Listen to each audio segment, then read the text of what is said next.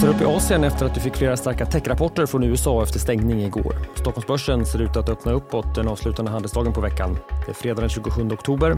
Jag heter Alexander Klar och du lyssnar på det Morgonkoll det är stigande börser i Asien. Allra mest lyfter Tokyobörsen som är upp nästan 1,3 procent. Landets valuta stärks efter inflationsstatistik över Tokyoområdet kommit in högre än väntat. KPI i Tokyo steg 3,3 procent i oktober jämfört med samma månad i fjol.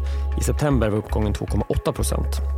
Det här stärker tesen för de som menar att den japanska centralbanken som fortsatt suttit väldigt still i båten kommer behöva höja sina förväntningar på inflationen nästa år och även backa från landets fortsatt väldigt expansiva penningpolitik där landet fortsätter köra med negativ ränta. Hongkongbörsen är upp 1% medan börsen i Fastlandskina är upp knappt en halv procent i Shanghai och över 1 för teknikbörsen i Shenzhen. Det muntrare humöret kommer efter att Wall Street föll in i stängning igår. Tekniktunga Nasdaq föll nästan 2% men efter stängning rapporterade jätten Amazon som väger tungt i både Nasdaq och S&P 500s index. Den amerikanska näthandelsjättens resultat var klart bättre än väntat.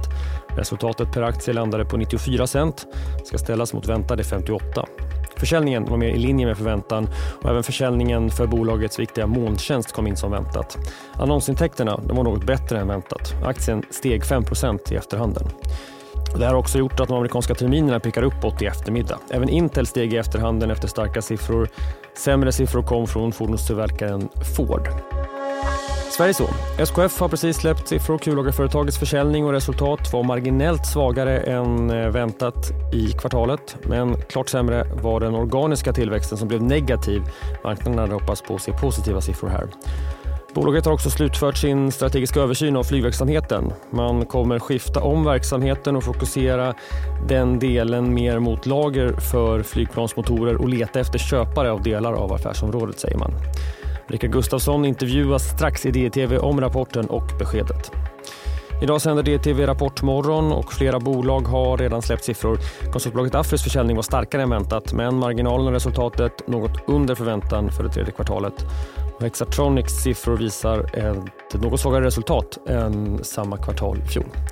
Följ morgonens sändningar in på di.se. Vi sänder från kvart över sju till ungefär halv tio. Bortom dagens rapporter så ska rättegångsförhandlingarna i den så kallade ICA-härvan avslutas. Åklagaren yrkar på långa fängelsestraff och näringsförbud. Och de som döms för insiderbrott kan också bli av med sina butiker. Vi får också statistik. Från svenskt håll kommer de från SCB. Det gäller detaljhandelssiffror för september. Men fokus idag på amerikansk statistik, privatkonsumtion och inflation, PCE, för september publiceras i eftermiddag. Dessutom får vi också Michigan-index för oktober.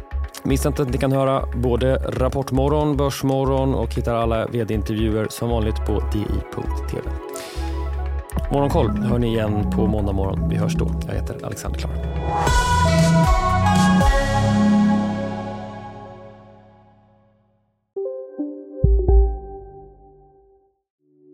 Hej, Ulf Kristersson här. På många sätt är det en mörk tid vi lever i. Men nu tar vi ett stort steg för att göra Sverige till en tryggare och säkrare plats. Sverige är nu medlem i Nato.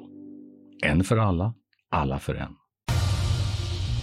Expressen gör varje vecka podden Politikrummet där vi djupdyker i det senaste och viktigaste inom svensk politik. Med mig, Filippa Rogvall, som programledare tillsammans med mina vassa kollegor. Och det är ju ni som heter... Thomas Nordenskjöld Anette Holmqvist och Viktor Bartkron. Politikrummet kommer med ett nytt avsnitt varje tisdag. Vi hörs.